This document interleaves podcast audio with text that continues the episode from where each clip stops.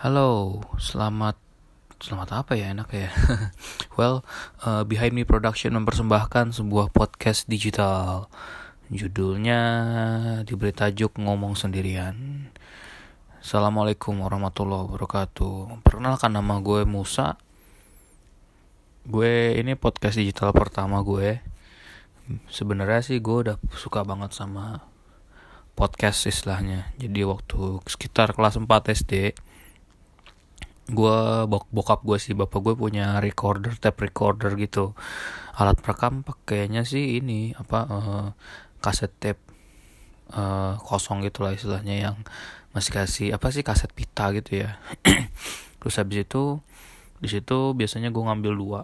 Jadi gue rekam kayak side A side B kan bolak balik menyenangkan sih.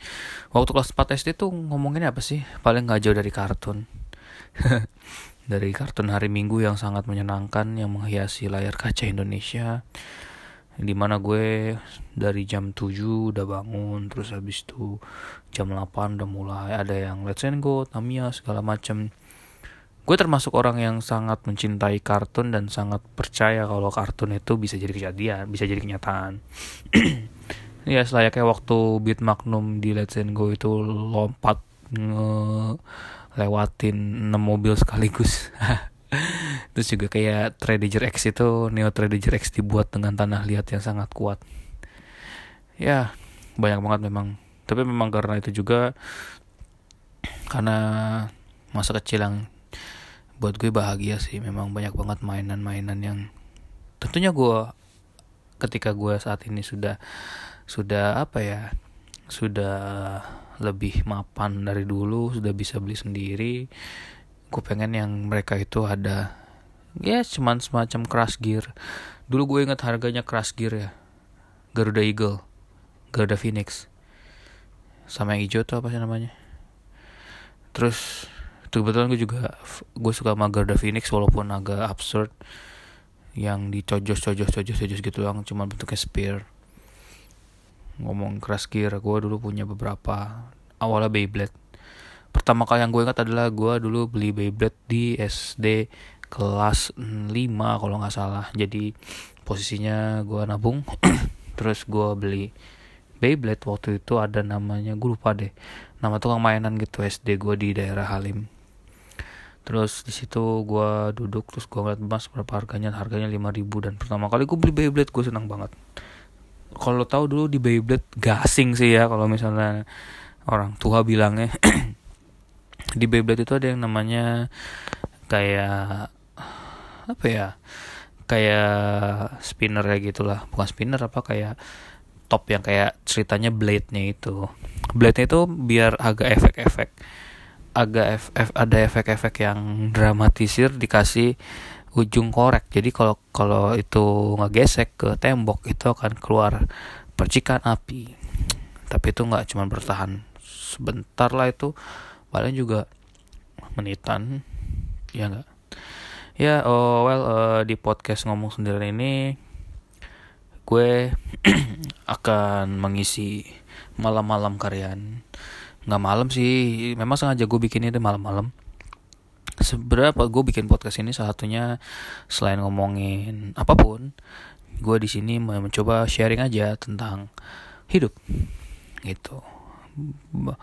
Tadi uh, ya maksudnya gue juga bilang kan kayak ini adalah sebuah bentuk dari gue sebenarnya agak sebenarnya udah lama banget pengen banget bikin bikin satu konten lah terutama di podcast. Karena nanti juga bakal ada vlog tapi mungkin nanti kita lihat aja nanti tanggal rilisnya. Pokoknya behind me production sebenarnya sudah ada pilot project gitu. Behind production pilot project di YouTube. Nanti lihat aja YouTube-nya behind me production. Kenapa gue bikin ini? Sebenarnya udah lama. Ini dari tahun 2017 akhir ketika gue ketika gue lagi kuliah S2 terus gue lagi menyelesaikan tesis kayaknya memang ketika kuliah selesai itu magang juga udah selesai apa sih yang diburu gitu ya? Udah akhirnya gue bikin behind the production ini. Balik lagi tentang mainan. Masa kecil sih buat gue menyenangkan sekali ya. Ada Beyblade Crash Gear Tamiya. Gue dulu inget gue cuman beli merek Audley Audley Audley Audley dan kakak gue punya Tamiya merek Tamiya ternyata nggak ada dinamonya sob. Nggak bilang gue bilang sama kakak gue lu buat apa beli Tamiya tapi nggak ada dinamonya? Mendingan Audley sekalian. Dulu ya Audley itu kayak uh, semacam low end high quality nya lah gitu. Gue ingat waktu itu lagi zaman zamannya jadi ceritanya kakak gue bikin beli Tamiya gitu kan di warung seberang jualan Tamiya. Waktu itu lagi ngebum banget Tamiya sampai pak ade gue bikinin track dari kayu cuman buat drag race aja jadi lurus doang. Tadinya memang ada belokannya diukur segala macam ternyata begitu ngebelok nggak bisa. Seharusnya melengkung karena kayu kan nggak bisa dibikin lengkung. Seharusnya pakai plastik. Biasanya kan memang kan kalau trek Tamiya itu kan plastik cuman nggak dapet lah. Itu waktu itu gue ingat itu zaman zaman lebaran itu sangat menyenangkan dia akhirnya tapi udah jadi jadi kayak dua gitu. Akhirnya dibuat balapan drag race aja gitu Tamiya sempat ngebum 2 tahun. Gue punya beberapa Tamiya. Yang gue inget adalah setiap lebaran. Dua tahun berturut-turut yang gue inget itu kayak ketika dapet duit lebaran itu gue langsung kayak mau ngebelanjain mainan sih waktu itu. Sayangnya ketika kita lagi kaya waktu itu sih kecil anak kecil lagi kaya tapi mallnya tutup. Aduh sayang sekali. Jadi gue ada satu mall di daerah Romangun terus nah itu tuh mall dari kecil gue sering banget ke sana. Terus ada di atasnya itu matahari lantai berapa tuh ada kayak tempat mainan. Gue sering ngeliat mainan ke sana. Cuman buat cuci dan tanda kutip cuma buat lihat-lihat aja. Mungkin kalau ketika itu gue udah punya kemampuan buat beli kayak sekarang mungkin bakal gue banyak banget koleksinya. Cuman ya udahlah gitu. Akhirnya gue masuklah kita ke zaman habis Tamiya itu Beyblade kalau nggak salah deh Beyblade itu sempat lama. Gue punya sepupu abang sepupu gue adalah curang dia beli Beyblade tapi bodinya tuh aluminium jadi besi. Nggak ada yang bisa ngalahin mereka. Sementara Beyblade Beyblade yang lain tuh plastik keras kan gitu. Dragon Dranza Doranza dulu nama yang itu yang warna biru itu. Gitu. Sampai ya mungkin Beyblade banyak banget ya itunya ya banyak banget yang namanya apa jenisnya dari yang biasa terus habis itu apa? Terus ada game PS satunya PS one nya dari Blade gue yang gue ingat adalah bapak gue pernah bikin surprise gitu. Jadi ternyata bapak gue bisa pulang kantor dia bawa kayak apa ya? Kayak uh, kotak gitu dua kan. Terus tiba-tiba ini buat abang gue lihat kayak seperangkat alat Beyblade. Dari semuanya dari mulai apa ya istilahnya ya uh, yang buat muterin itu spinner ya sampai ke oh, pokoknya lengkap deh sampai ke pokoknya sama sampai cukup suku cadangnya istilahnya spare part itu ada semua. Jadi di situ gue seneng banget terus bokap gue tuh beliin juga kayak auto spinner gitu yang buat ngemuterin tapi pakai baterai. Jadi dia udah muter-muter pelan-pelan tuh sampai cetek langsung di eh nanti dia muter sendiri. Ya memang nggak terlalu bagus lebih bagus dia ditarik sendiri istilahnya. Beyblade. Beyblade Crash Gear Crash Gear gue juga sempat beli beberapa harganya kalau dibilang sekarang tuh mainan waktu itu tuh murah banget. Seandainya terus habis itu juga oh ya beralihlah ke era digital.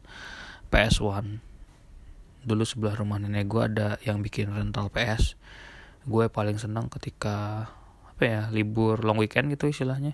Jumat Sabtu Minggu. Ya istilahnya tiga hari dua malam lah di rumah nenek gue gue inget hari pertama sore gue main selesai maghrib terus gue pulang. Besoknya pagi-pagi dari jam buka sampai jam 12 gue main lagi. Terus jam 2 sampai jam 4 terus gue main lagi. Sampai pada akhirnya bapak gue ngasih surprise sih. Waktu itu ini surprise benar surprise. Karena kita nggak tahu tiba-tiba bapak gue kok beli? Ada apa-apa nih? Kotak gede di bangku. Gue inget dulu apa di bangku gitulah di bangku deket rumah ruang keluarga gue kan ini apa nih kotak gede kerdus gitu kan. Kita nggak berani buka. Yang jelas itu barangnya ayah aja gue tanya kayak gitu.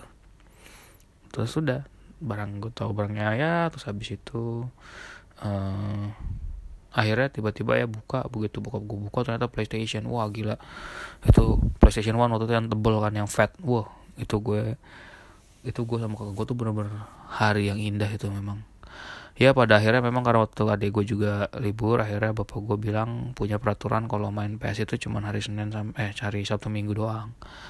Ya gue inget sih seperti itu. Jadi setiap hari minggu jadi itu memang ada tasnya gitu. Jadi setiap hari sabtu selesai pulang sekolah yang gue inget PS jadi gue main PS segala macem. Di PS itu juga banyak banget PS1 juga banyak banget game-game yang suka ya. Yang paling gue suka adalah Genso Suikoden 12 itu buat gue adalah game RPG paling keren lah. Gitu. Selain Final Fantasy tentunya itu wah entah kenapa gue liat PS1 itu lebih lebih gimana ya lebih nostalgic gitu game Crash Team Racing Crash Bandicoot terus abis itu ada lagi bisi basi yang rusakin stick. Gue dulu hampir kalau ngomongin soal PS1 gue dulu hampir yang namanya koleksi stick PS istilahnya controller ya Iya bilangnya stick sih.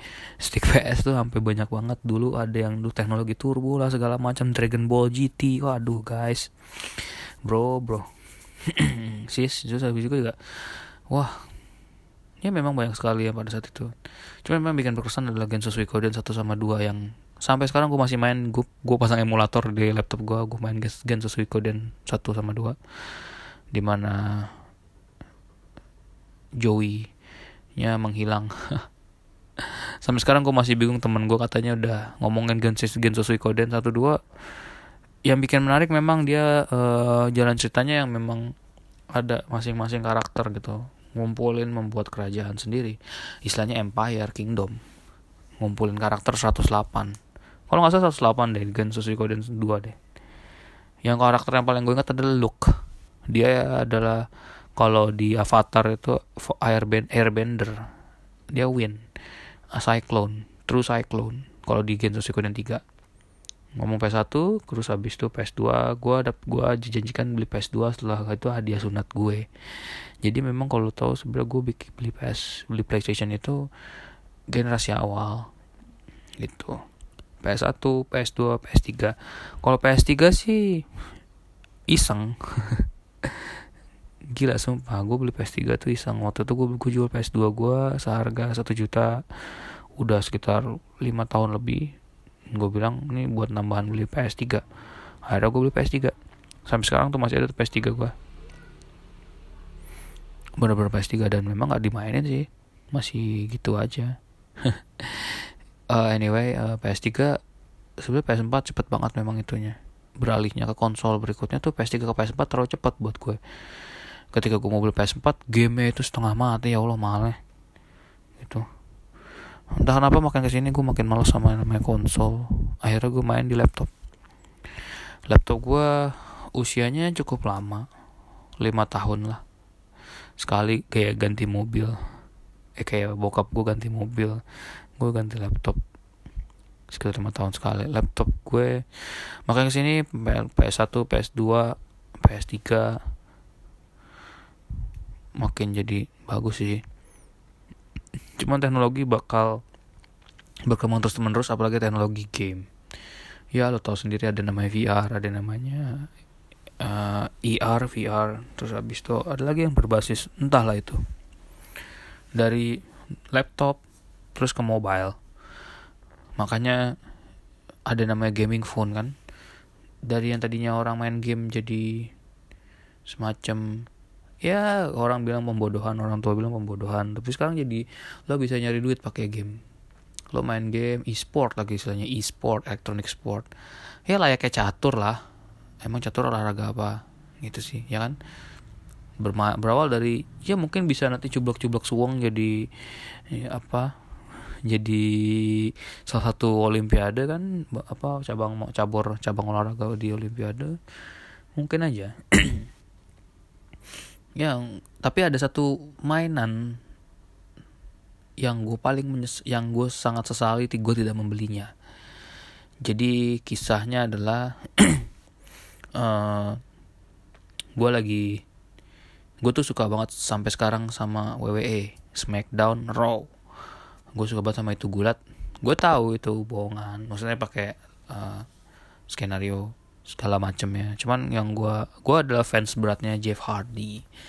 Dan bukan Hardy Boys karena Matt Hardy sucks buat gue. Tidak selincah Jeff. Uh, walaupun they gue suka Hardy Boys sih karena kelincahannya itu tadinya. Tapi di antara semua gue lebih suka Meta Jeff Hardy sorry. Gue lebih suka Jeff Hardy. Terus habis itu gue waktu itu jadi ceritanya adalah waktu gue kecil ada di mall di adalah kita sebut aja lah kita sebut mallnya namanya Arion Mall. Di Arion Mall itu ada namanya toko mainan. Ada toko mainan di atas itu jualan yang namanya sabuk sabukan Smackdown sabuk sabukan WWF dulu tag team. Itu gue suka banget sama desain tag team zaman warna biru. Jadi sebelum Raw sama SmackDown dijadiin saat dipisah SmackDown adalah the the apa istilahnya the main brand dari WWE WWF attitude istilahnya dulu.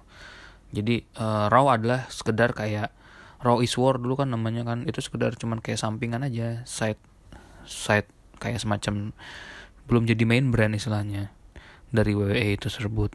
Dulu kan ceritanya kan kalau lo main di WWE gamenya si WWE itu WWF dulu namanya sebelum di sebelum si Vince McMahon akhirnya menyerahkan nama WWF ke World Wide apa uh, sorry World World Wild Foundation WWF uh, yang pelampungnya panda itu sebelum menyerahkan namanya itu akhirnya jadi WWE di mana F nya dicoret. Dua garis F yang di itu dicoret jadi WW doang kan istilahnya tadinya World Wrestling Federation Entertainment jadi World Wrestling Entertainment. Ya memang awal jadi uh, eh, WCW Nitro semua Chris Jericho siapa misalnya uh, Sting terus habis itu siapa? Hulk Hogan Hulk Hogan Hulk Hogan. Dulu semua dimasukin di WCW Nitro Monday Night Nitro. Itu memang cikal bakal dari Monday Night Raw sih kalau yang gue baca. Sempat ratingnya sempat turun jadi WWF sempat turun sampai entah kenapa WCW Stone Cold Steve Austin kalau nggak salah dari WCW juga deh. Terus habis itu uh, wah banyak istilahnya ya. Habis itu mereka masuk intinya adalah waktu zaman WWF Hardy Boys menang tag team lawan Edge and Christian. Sabuknya itu keren sob. Desainnya warna biru gitu. Itu gue nyari replikanya setengah mati. Ada harganya harga gue nggak mampu waktu itu buat beli. Ya karena anak kecil juga kan istilahnya. Gue nggak bisa. Gue harus nunggu lebaran dulu buat beli itu sabuk. Begitu lebaran tokonya tutup. Nggak sempet lah gue nggak beli ya udah akhirnya gue tunggu. Ternyata uh, toko gue kira lebaran tokonya buka lagi. Ternyata tokonya tetap permanen bro. Gue bilang anjir gue bilang.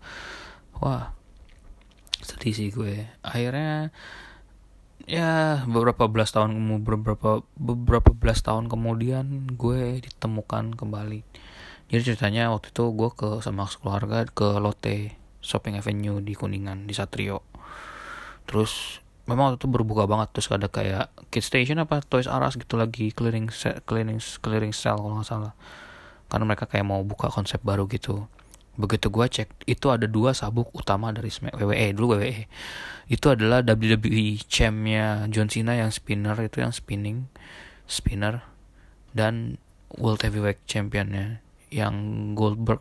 World Heavyweight Champion itu kan kalau nggak salah dari uh, eh, WCW juga kan gitu. Dulu Bokorti sebelum dimasukin ke WWE, WWE ya memang akhirnya WWE membeli semuanya. Kalau sekarang lo tahu NXT itu adalah semacam tim reserve lah ya buat WWE walaupun memang gue buat gue lebih lebih menarik sih NXT walaupun lebih fresh mukanya juga. Ya kalau lo masih men kalau masih seorang yang suka nonton WWE muka-muka lama sebenarnya masih masih banyak sih. Jeff Hardy masih main Matt Hardy masih main Brock Lesnar kan comeback. Walaupun gue nggak suka sama Brock Lesnar waktu Goldberg segala macam balik Oke, mari kita lanjutkan. Tadi uh, kita ngomongin Goldberg, Booker T ya sebelum dia masuk ke WWE. Dia di WCW menjuarai, memegang gelar sabuk World Heavyweight Champion dan itu sebenarnya waktu gue ke Lotte itu adalah terus gue lihat yang bikin gue kaget adalah karena lagi ya semacam sale gitu itu harganya cuma lima puluh ribu satu sabuk. Ya Allah gue kayak wah gue beli apa enggak? Tapi gue udah teriak tapi gue kayak gue ingat adik gue dong ayo bang ayo bang ya rusuh banget kan. Terus keluarga gue juga nggak tahu ke mana. Terus gue juga pertama kali mengunjungi, mengunjungi itu waktu itu. Gue nggak tahu yang namanya isinya gimana kan. Akhirnya gue membatalkan. Dan sampai sekarang sampai siaran ini gue gue rilis gue menyesalinya. Aduh mungkin tunangan gue bakal kesel kalau bisa gue ngomong kayak gitu. Ya begitulah. That's why gue saking senangnya sama WWE ya. Ya gue sampai waktu itu les semacam gulat gitulah. Yang ilmunya kepake ternyata buat football American football. Sorry guys ngomongin soal football. Gue adalah paling anti ngomong soccer. Soccer maksudnya penghisap gitu. Soccer. Kalau di Jepang saka padahal aslinya football. Orang FIFA bukan visa. Football uh, sorry uh, FIFA. Bukan bukan sisa. FIFA. Ya kan? Federation International de Football. FIFA. Federation International de Football correct me if I'm wrong. Kalau kita cek FIFA itu kan FIFA itu ini bro. Uh, International Football Federation International de Football FIFA Football bukan V Visa Football Association Visa bukan. Federation International de Soccer. Ya ngomongin soal sport kali ini. Uh, segmen kedua. Sport ya tadi WWE juga sport sih sebenarnya cuman lebih apa ya WWE itu buat gue lebih ya biar lebih action aja lah. Ngomongin soal sepak bola gue nggak mau ngomongin sepak bola nasional. Karena gue nggak ngerti yang gue tahu memang gue ngucapin selamat untuk timnas U timnas Indonesia U22 yang sudah menjuarai AFF Cup. Sangat seharusnya memang timnas itu gue gua heran ya timnas lucunya ya kalau lu lihat nih timnas U17 timnas U22 ketika mereka juara juara nih nggak gak ada yang dukung sob. Memang orang kita itu nggak usah didukung biar juara gitu loh. Ya senang-senang aja kita tahu memang mereka sangat berjuang gitu istilahnya. Tapi ketika mereka disanjung gue ingat waktu zamannya Marcus Harrison ya kipernya timnas dulu ya Christian Gonzalez di Malaysia segala macem. Indonesia sampai ya Allah itu kayak semuanya mendukung Irfan Bakdim dan kawan-kawan itu. Tapi ya itu masuk infotainment siapa lah istilahnya mas sampai masuk infotainment publikasinya sampai tinggi sekali mau final ke pesantren dulu masuk ke kiai berdoa eh malah malah mainnya lemes. Ya itu satu kritik aja sih yang pada saat itu gue bikin kesel gitu istilahnya. Nggak usah lah berlebihan kita mengasih publikasi ini ya ternyata yang minim publikasi malah jadi yang terbaik U17 siapa? Evan Dimas dan kawan-kawan waktu itu juara kan. U17 menang. Indra Shafri eh, sebagai pelatih. Buat gue sih memang dia bisa nanti di masa depan. Uh, jadi pelatih timnas senior. Ya gue cuma tahu sepak bola Indonesia sampai di timnas saja gue ngomongin soal sepak bola kenapa ya gue memang dari dulu suka banget sepak bola. Pertama kali gue main sep gue gue sangat suka bermain football manager championship manager CMFM pertama kali yang gue main tahun 2003 gue inget Lionel Messi itu belum ada. Andres Iniesta itu masih di Barcelona B. Tapi memang dia tuh sudah wonderkid sih. Xavi Andres Iniesta tuh sudah wonderkid gitu. Di Barcelona. Waktu saat itu gue inget tahun 2000 berapa ya kalau nggak salah gue main di CM 2005 kalau nggak salah deh. CM 2005 itu wah itu keren banget pokoknya. Keren banget. 2005 itu kalau nggak salah si si oh sorry 2008 CM 2008 itu tuh adalah CM yang paling tidak masuk akal. Karena jadi seperti ini. Biasanya kan kalau manajer itu kan kalau misalnya game itu kan ada kayak overall ya. Pemain itu ada overall ya terus kayak kita bisa nyari scouting lah. Gua nemu namanya John Rooney di HM ada orang yang memang ternyata John Rooney entah itu adanya Wayne Rooney atau keponakannya segala macam. Itu dia itu adalah overall itu 95 sob. U16 U17 nya Manchester United. Gue liat buset ini mah langsung masuk senior lah. Banyak banget wonderkid wonderkid yang sepak bola terutama kita ngomong sepak bola. Banyak banget wonderkid wonderkid yang memang kebuang. Contohnya yang paling gue suka adalah lo pasti tahu namanya Bojan Kerkik bacanya K R K I C kalau nggak salah ya. Kerkik Bojan Kerkik sama Bojan Kerkik itu ada dua. Yang pertama kakeknya terus habis itu nama dia. Dia waktu gue di waktu di Barcelona B terus jadi main timnas senior itu gue udah ngeliat kayak wah ini wonderkid memang gitu loh. Tapi lama kelamaan begitu gue wonderkid salah asuhan kali ya waktu dia malah gabung AC Milan itu malah jadi jelek istilahnya aduh oke okay, gue mau kasih tahu kalau sebenarnya gue itu adalah fans berat dari Olympic Lyonnais OL Olimp kalau bacanya tuh Olympique Lyonnais dari Perancis Ligue 1. Kenapa gue suka Olympique Lyon yang pertama? Waktu itu SM gue gue gue ngefans sama OL Olympique Lyon itu dari Lyon itu dari uh, eh, SMP. Gue inget SMP. Gara-gara gue ngeliat tendangan bebasnya Juninho. Pertama kali Olympique Lyon itu nggak pernah kalah dari Real Madrid. Waktu itu Olympique Lyon waktu itu dapat 7 kali berturut-turut paling banyak gelarnya. Mungkin habis ini PSG kali ya. Gara-gara Sultan kampret yang satu itu tuh Olympic Lyonnais itu punyanya Jean Michael Aulas ah gue tuh paling tau lah strategi transfernya tuh nggak ada yang genah. Pasti kalau nggak ngambil pemain gratisan ya gitulah. Tapi memang mereka kalau lu main di FMM butuh kesabaran butuh 2-3 tahun memang buat ngembangin Lyonnais OL maksudnya Lyon. Karena Lyon itu basicnya basicnya memang kayak youth football kayak pencetak pemain muda lah kayak Ajax Amsterdam. Itu gue adalah salah satu fans. Kalau di Liga Prancis gue sangat fans sama Lyon. Gue buat gue PSG itu bullshit. Ya bullshit pokoknya. Ya semacam Manchester City lah ya. Jagonya memang ada duit. Memang duit itu di sepak bola buat gue memang yang yang gue main di FM gue main FM buat gue memang duit itu jadi pembuka pembuka rekonstruksi fasilitas lebih bagus, gaji lebih baik, staff lebih baik. Jadi mereka bisa mempersiapkan gitu.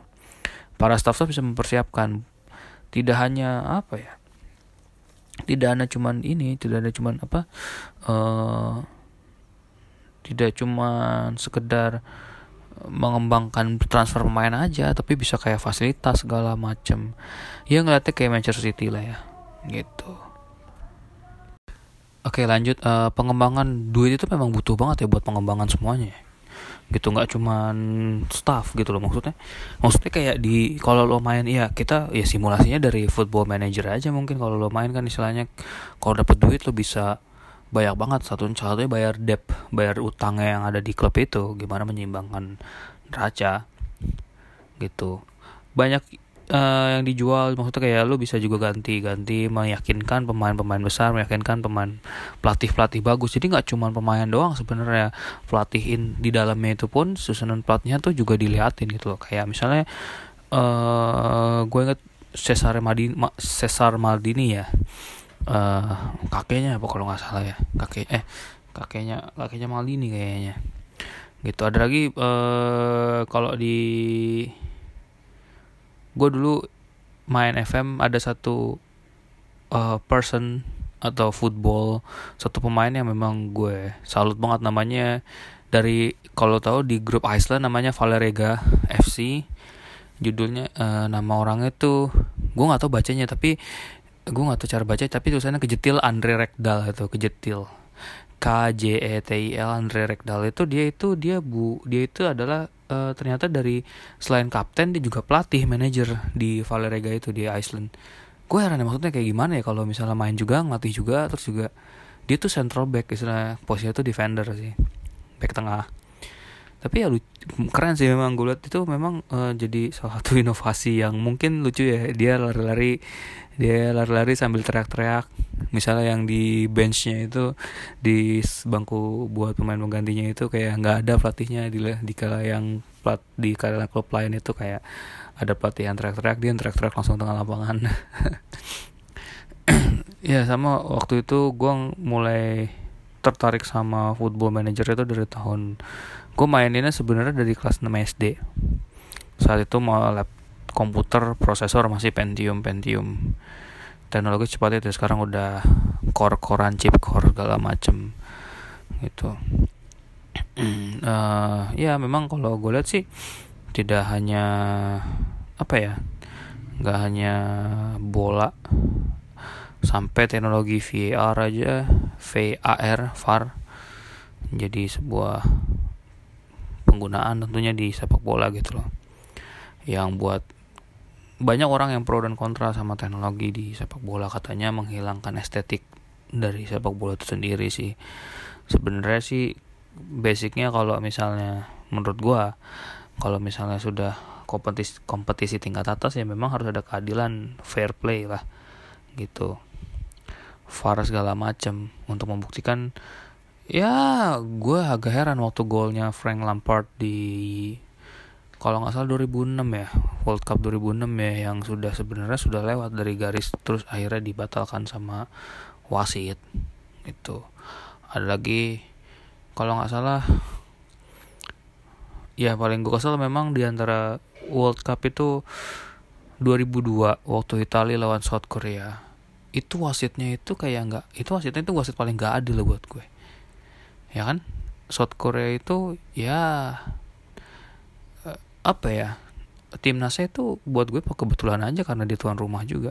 Agak heran memang ketika South Korea sama Jepang jadi tuan rumah terus habis itu ya wasitnya dari South Korea juga kalau nggak salah waktu itu. Itu agak kontroversial memang. Seharusnya Italia bisa menang waktu itu cuman Totti di kartu kuning kedua jatuh. Terus akhirnya tapi ya gue puas sih karena dendam terbalaskan oleh akan syukur di mencetak gol di detik ke 11 terus habis itu South Korea emang gak ada apa-apanya sih kalau lawan Turki. Ngomongin soal Turki kalau lo di FM main FM Turki itu yang paling banyak young player gitu sih selain Belgia. Salah satu young player sih. Gue pertama kali salah satunya adalah Hakan Kalhanoglu. Itu gue termasuk orang yang menonton free kick free kick indah ya. Dimulai dari Juninho. Juninho entah kenapa ada Juninho ada dua kok yang gue tahu. Ada yang satu lagi Middlesbrough. Middlesbrough Middlesbrough Middlesbrough. Di Middlesbrough Mboro. Itu juga ada Juninho dia juga bisa tendangan bebas. Terus keduanya ada dua di situ Mendieta yang dari Valencia juga. Zaman-zaman dulu juga tendangan bebasnya oke sih. Tapi kalau buat style gue lebih suka David Beckham.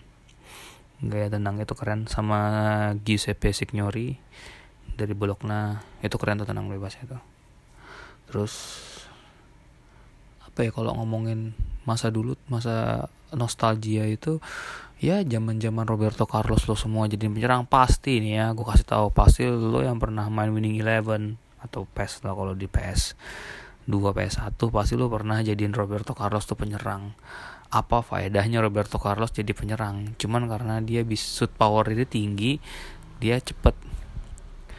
Jadi waktu itu adalah yang gue ingat ketika PS2 belum PS belum ada PS3 waktu itu juga lagi SD kalau eh SD SMP kalau nggak salah. Gue kelas 1 gue masih ngundang teman gue gue masih ke rumah teman gue yang SD waktu itu teman-teman gue SD walaupun SMP-nya udah beda. Main WE Winning Eleven. Di situ Winning Eleven PS1 kan ada speed kayak semacam lu bisa ngatur speednya itu kan speed game itu sendiri kan. Jadi kalau sprint itu bisa lebih cepat karena istilahnya overall di pemainnya itu nggak ngaruh kayaknya sama speed game itu sendiri gitu istilahnya. Ketika gua biasanya gue punya kayak ada uh, teman gue yang jago banget lah main WE ketika dia ke PS2 dia nggak terbiasa dengan overall yang tergant apa pemainnya dengan tergantung overallnya itu. Ya jadinya mah dia kalah sama gue untuk pertama kalinya gue menang lawan orang jadi kayak dia tuh kayak juaranya gitulah terus habis itu gue pernah gue menang lawan juara gitu loh istilahnya. Dia bilang kayaknya ya memang butuh ke butuh adaptasi tentunya yang pindah dari PS1 sampai PS2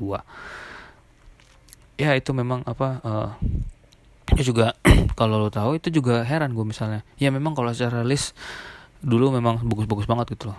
Jadi ceritanya gue pernah punya gue ada sepupu gue gue main berdua di WE FIFA sih dulu sih. FIFA dia milih MU gue tadi mau milih MU terus habis itu dia milih MU ya udah gue cari yang lain. Itu untuk liga-liga Jerman Bundesliga gue lagi ngikutin Dortmund sih. Dortmund Dortmund sama Leverkusen dari awal dan awalnya gue mau ngedukung Hamburger SV gara-gara Wakabayashi Genzo di Kapten Subasa Kapten Subasa itu adalah karena Kapten Subasa juga sih gue jadi pengen buat main bola. Gue ikut SMP itu ikut eskul futsal sama SMA eh SMP futsal kan SMP futsal. SMP iya SMP doang kalau nggak salah. SMA gue nggak gue eskul gue apa ya rohis gue nggak ikut yang kayak gitu-gitu sih. Tapi main ya masih. Futsal masih sih. Sampai kuliah. Semester akhir tuh gue masih ikut futsal. Kalau lo tahu futsal tuh malam ya di atas jam 8 sampai jam 10 ya anak kosan sih. Gitu. Uh, oke okay, uh, eh, ya kalau misalnya ngomongin apa ya kayak balik lagi kayak misalnya contohnya liga-liga sepak bola tentunya liga-liga yang lain. Itu memang apa ya perubahan besar bagus banget istilahnya. Teknologi udah bagus persiapan pemainnya dan gue juga salut sebenarnya nih gue mau ngomong terak terakhir gue mau ngomong tentang AS Parma itu. Ah ya sorry AS Parma tentang Parma. Parma Calcio ya. Parma Calcio itu yang sekarang namanya Parma Parma Calcio yang tadinya dari seri D sekarang udah di seri A itu wah keren banget semoga paling nggak Parma bertahan lah di musim ini di Serie A tetap di Serie A. Jangan turun lagi lah. Lucarelli kasihan itu. Buat gue gue ngeliat heroik banget gitu loh. Tahun mereka benar-benar bang dari bangkrut di istilahnya kalau di sini Liga Tarkam ya. Liga Tarkam terus Liga Pro Seri D Seri C dulu ada seri C2C C setahu gue memang dulu mm, seri C itu ada C1 C, C2 C1 baru lu bisa masuk seri B. Itu sekarang mungkin C nya C doang ya. Dari C itu C itu di seleksi dia apa kayak ditandingkan lagi ada playoff gitu buat masuk seri B. Terus seri B ternyata Parma menang seri seri B. Bukan juara seri B kalau nggak salah Parma itu. Parma uh, Regina kalau nggak salah yang uh, masuk ke seri A juaranya ya. Ya.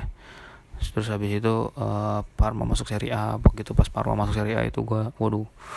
Gue sebenernya pengen nyari jersey jersey Parma tuh. Cuman nantilah gitu. Well uh, sekian dari gue terima kasih yang udah ngedengerin podcast ini. Ya kita senang aja podcast ini. Gue berencana untuk nge-upload podcast podcast ini setiap Senin malam sama Jumat malam gitu. Kenapa malam? Ya karena enak aja ngobrolan ringan ala ala Musa oke?